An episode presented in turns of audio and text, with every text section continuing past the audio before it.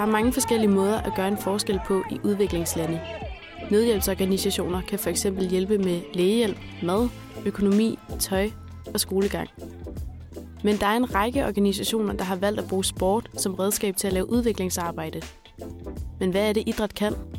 Hvordan kan det at spille fodbold bidrage til udvikling af demokrati i lande, der har været præget af krig og fattigdom? Det undersøger vi i denne her podcastserie, hvordan sport kan gøre en forskel. Det her er andet afsnit i serien. Kvinderne skal på banen.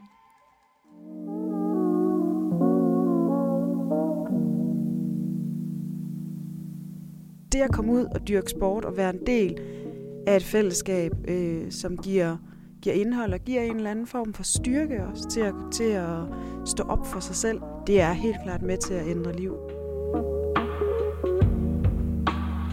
så viser alle tal også, at når en kvinde er aktiv, og når en mor er aktiv, så er der en 98% chance for, at hendes børn også er det. Så høj er procenttalen ikke, hvis en far er aktiv. Så morens, altså vores rolle som at være er aktiv, der, så kan du altså ændre en kæmpe folkesundhed.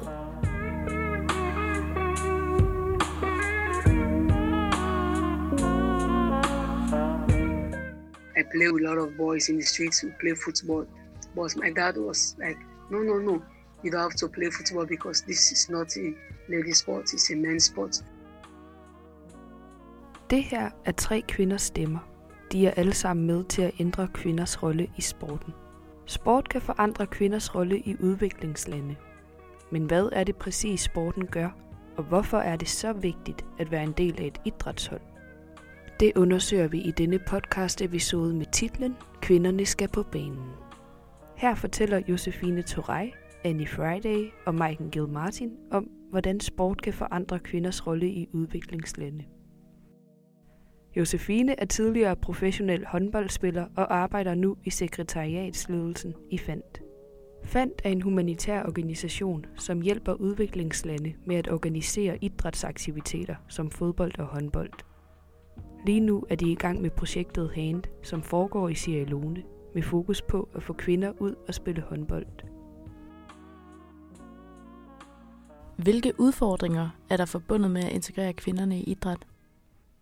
Jamen, der er flere problemer i det. det. Ene er, at fodbold er en mandsdomineret sport, og hvis vi synes, det er det her i Europa, så er det det endnu mere i Afrika, fordi at, at øh, jamen, det er endnu sværere for piger at dyrke sport, fordi man er ikke vant til, at piger dyrker sport. Piger er ofte, og sådan er det i hvert fald i Sierra Leone, der er de øh, i hjemmene, de bliver holdt i hjemmene, øh, laver de, de huslige pligter, og ja, man tænker sådan, girls don't play football, øhm, de dyrker ikke sport. Det, de, de er bare ikke vant til, at piger dyrker sport, og derfor så er det sindssygt svært at få, få dem ud på fodboldbanerne. Helt rent samfundsmæssigt er der et, et stort arbejde i at få forvent den her øhm, måde at tænke på, og få det til at blive en integreret del af hverdagen, at piger har også ret til at dyrke sport og komme ud af deres hjem og være en del af et fællesskab. Så der er et, der er et kæmpe stort arbejde. Derfor så er der også de projekter, vi kører. Jamen, der er også en del af det, der er netop at komme ud og få fat i deres forældre, få fat i deres lærere på skolen, sådan som man måske også i samlet flok kan sende nogle piger afsted til, til håndbold.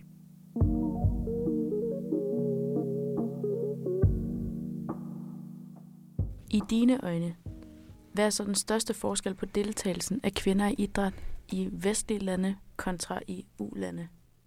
Du skal kæmpe for retten til at dyrke idræt i øh, et land som Sierra Leone og i mange ulande, hvor at i Danmark skal en kvinde ikke kæmpe for retten til at dyrke idræt. Der kan så være så mange andre ting, man skal kæmpe for, og der er meget debat lige nu omkring ligeløn og lige vilkår og alle de her ting, men du skal ikke kæmpe for retten til at få lov til at dyrke idræt.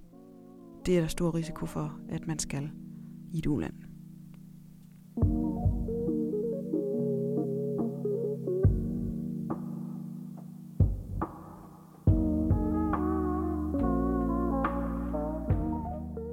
Maiken er CEO i Global Goals World Cup, som organiserer fodboldturneringer for kvinder verden over – Kvinderne konkurrerer både om, hvor mange mål de scorer, men også om, hvordan de har arbejdet med FN's verdensmål i deres hold.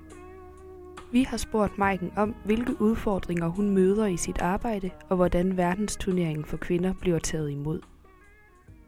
Sporten har en kæmpe øh, effekt på mennesker, hvis du bruger den ordentligt. Det der jo sker, hvis du skaber et rum, hvor folk de kan lege sammen, så, så øh, øh, ser vi hinanden anderledes. Vi opfatter den situation, vi er i anderledes. Vi bruger vores krop, det vil sige, at vores intelligens er ikke kun lige pludselig én intelligens, men det er vores flere af vores intelligenser. Øh, vi lærer enormt meget om at tage beslutninger. Altså, hvis du tager en... Øh, nu spiller vi korte kampe, men hvis du tager, hvad der er en, en, en, hvad de fleste kender som en fuld fodboldkamp, så bliver der taget 3-5.000 beslutninger i en, i en fodboldkamp. Så det vil sige, at du skal hele tiden, du lærer enormt meget af at være i spilsituationer med andre mennesker. Plus du lærer også om, hvordan du kan altså, agere og vælge at opføre dig øh, i forhold til andre mennesker, øh, når du spiller sammen med dem, når du er modstander, når der sker noget på banen og sådan noget. Altså, så læringen fra sportens verden ind til, til alt andet liv omkring os, tror jeg, har en kæmpe effekt. Så sporten er, altså, er absolut en driver, driver her. Vi spørger Maiken, hvilken effekt sport kan have på samfundet, og hvordan det vil ændre kvinders opfattelse af dem selv, hvis de bliver aktive og dyrker idræt. Så viser alle tal også, at når en kvinde er aktiv, og når en mor er aktiv, så er der en 98% chance for, at hendes børn også er det. Og det vil sige, at så høj er procenttallen ikke, hvis en far er aktiv. Så morens, altså vores rolle som at være aktiv, der, så kan du altså ændre en kæmpe folkesundhed der hvis vi altså før, sørger for at få de tal op. Josefine fortæller om, hvor vigtigt det er at få kvinderne ud og dyrke sport og blive en aktiv del af samfundet i Sierra Leone. Det er der også flere årsager til. Den ene er selvfølgelig, at det er sundt at dyrke sport. Det er rigtig godt at komme ud øh, fra sit hjem. Og det er det her i Danmark, og det har vi jo kunne mærke under coronatiden, hvor, hvor at, øh, sport har været lukket ned har det nogle konsekvenser for, for helbredet, både fysisk og psykisk, at man ikke kommer ud blandt andre mennesker. Og det er jo det samme i Sierra Leone, bare i en endnu højere grad, fordi at der er virkelig, øh, altså kvinder har det svært. Øh, de pigerne har risiko for at blive misbrugt, når de er i deres hjem, så det er enormt vigtigt at få dem ud, få dem ud blandt andre piger, få dem til at mærke det her fællesskab, og at de godt kan være med til at ændre nogle ting i fællesskab ved at stå sammen og være stærke sammen. Vi bruger jo også vores idrætsaktiviteter til at oplyse øh, vores medlemmer af foreningerne om deres rettigheder og ligestilling, basale ting som hygiejne og alle sådan nogle ting. Og derfor er det vigtigt at have, få dem ud og være en del af det her fællesskab, hvor vi kan, hvor vi kan give dem nogle nye muligheder, lære dem nogle nye ting, og hvor de, som sagt, ja, kan være stærke sammen og have et fedt fællesskab sammen, hvor de har det sjovt. Altså man kan sige, at håndbolden er ligesom øh, et middel, eller sporten generelt er et middel, vi bruger til at skabe en fællesskabsfølelse. Øh, det kunne lige så godt have været så meget andet. Vi tror bare på, at sporten kan, kan give den her fællesskabsfølelse, fordi når man dyrker sport på et hold, så er man så er alle lige. Selvfølgelig er alle ikke lige gode til at spille, men det er det er ligegyldigt, hvilken baggrund du kommer med. Du er en del af det samme fællesskab. Du er sammen om noget. Øh, man er som gruppe sammen om noget, man synes er sjovt. Og det, øh, det har vi fundet ud af, at det, det kan vi bruge til netop at bruge vores foreninger i Sierra Leone til at lave noget oplysningsarbejde, til at lære dem om deres rettigheder. Så ja, en stor del, en rigtig stor del af vores arbejde er også de her workshops, vi afholder, øh, hvor vi hvor vi har forskellige emner op at, at vende. Den her udbredelse af at få kvinder ind i sport, altså vil I mene, at den også hjælper på andre forhold i samfundet dernede? Ja, det er ikke noget, vi vil mene. Det er faktisk noget, vi kan se på den måde, vi gør det på. Altså, de bliver, de bliver stærkere. De får et helt andet fundament øh, til at skabe sig selv et bedre liv. Så man kan sige, at vi er jo vokset op her i Danmark med, at der var foreninger, der, der greb os. Der var øhm, gået ud på fritidshjem og alle de her ting. Og det system er der jo slet ikke på de, øh, på de kanter, hvor vi arbejder. Så hvis de kommer i skole, så er det det, de gør. Og når de så kommer hjem fra skole, jamen så er der ikke øh, så meget andet til at, til at gribe dem og til at give dem indhold i, i hverdagen. Så er det huslige pligter. Og øhm, kæmpe problem har for eksempel været her under corona, og det samme var der, der var Ebola i Sierra Leone, at man ser, at der er nogle piger, der simpelthen ikke kommer tilbage til skolen, efter de har været lukket ind i deres hjem i den her periode, fordi så er de blevet gravide, eller de er blevet misbrugt, og alle de her ting. Så det at komme ud og dyrke sport og være en del af et fællesskab, øh, som giver, giver indhold og giver en eller anden form for styrke også til at, til at stå op for sig selv, øh, det er helt klart med til at ændre liv.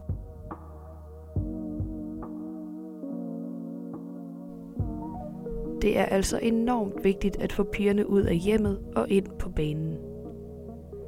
Vi har taget kontakt til Annie Friday fra Sierra Leone, som selv har skulle kæmpe for retten til at dyrke sport, og som i dag arbejder for fandt og er en af drivkræfterne bag projektet Hand.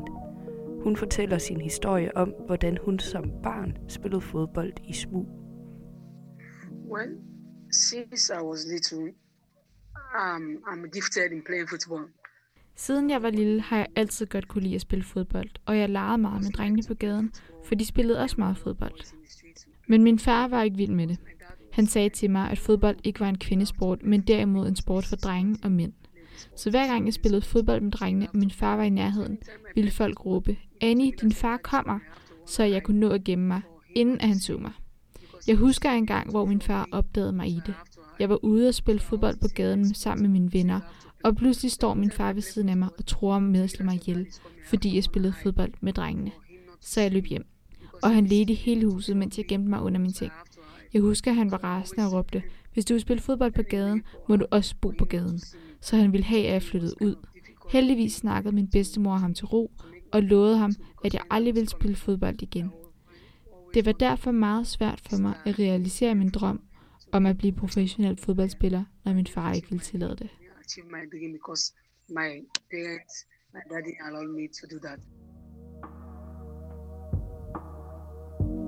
Selvom Annie mødte mange udfordringer ved at være kvinde og have lyst til at spille fodbold, gav hun aldrig op. Hun blev ved med at kæmpe for, at kvinder har retten til at dyrke sport, selvom samfundskulturen var imod hende.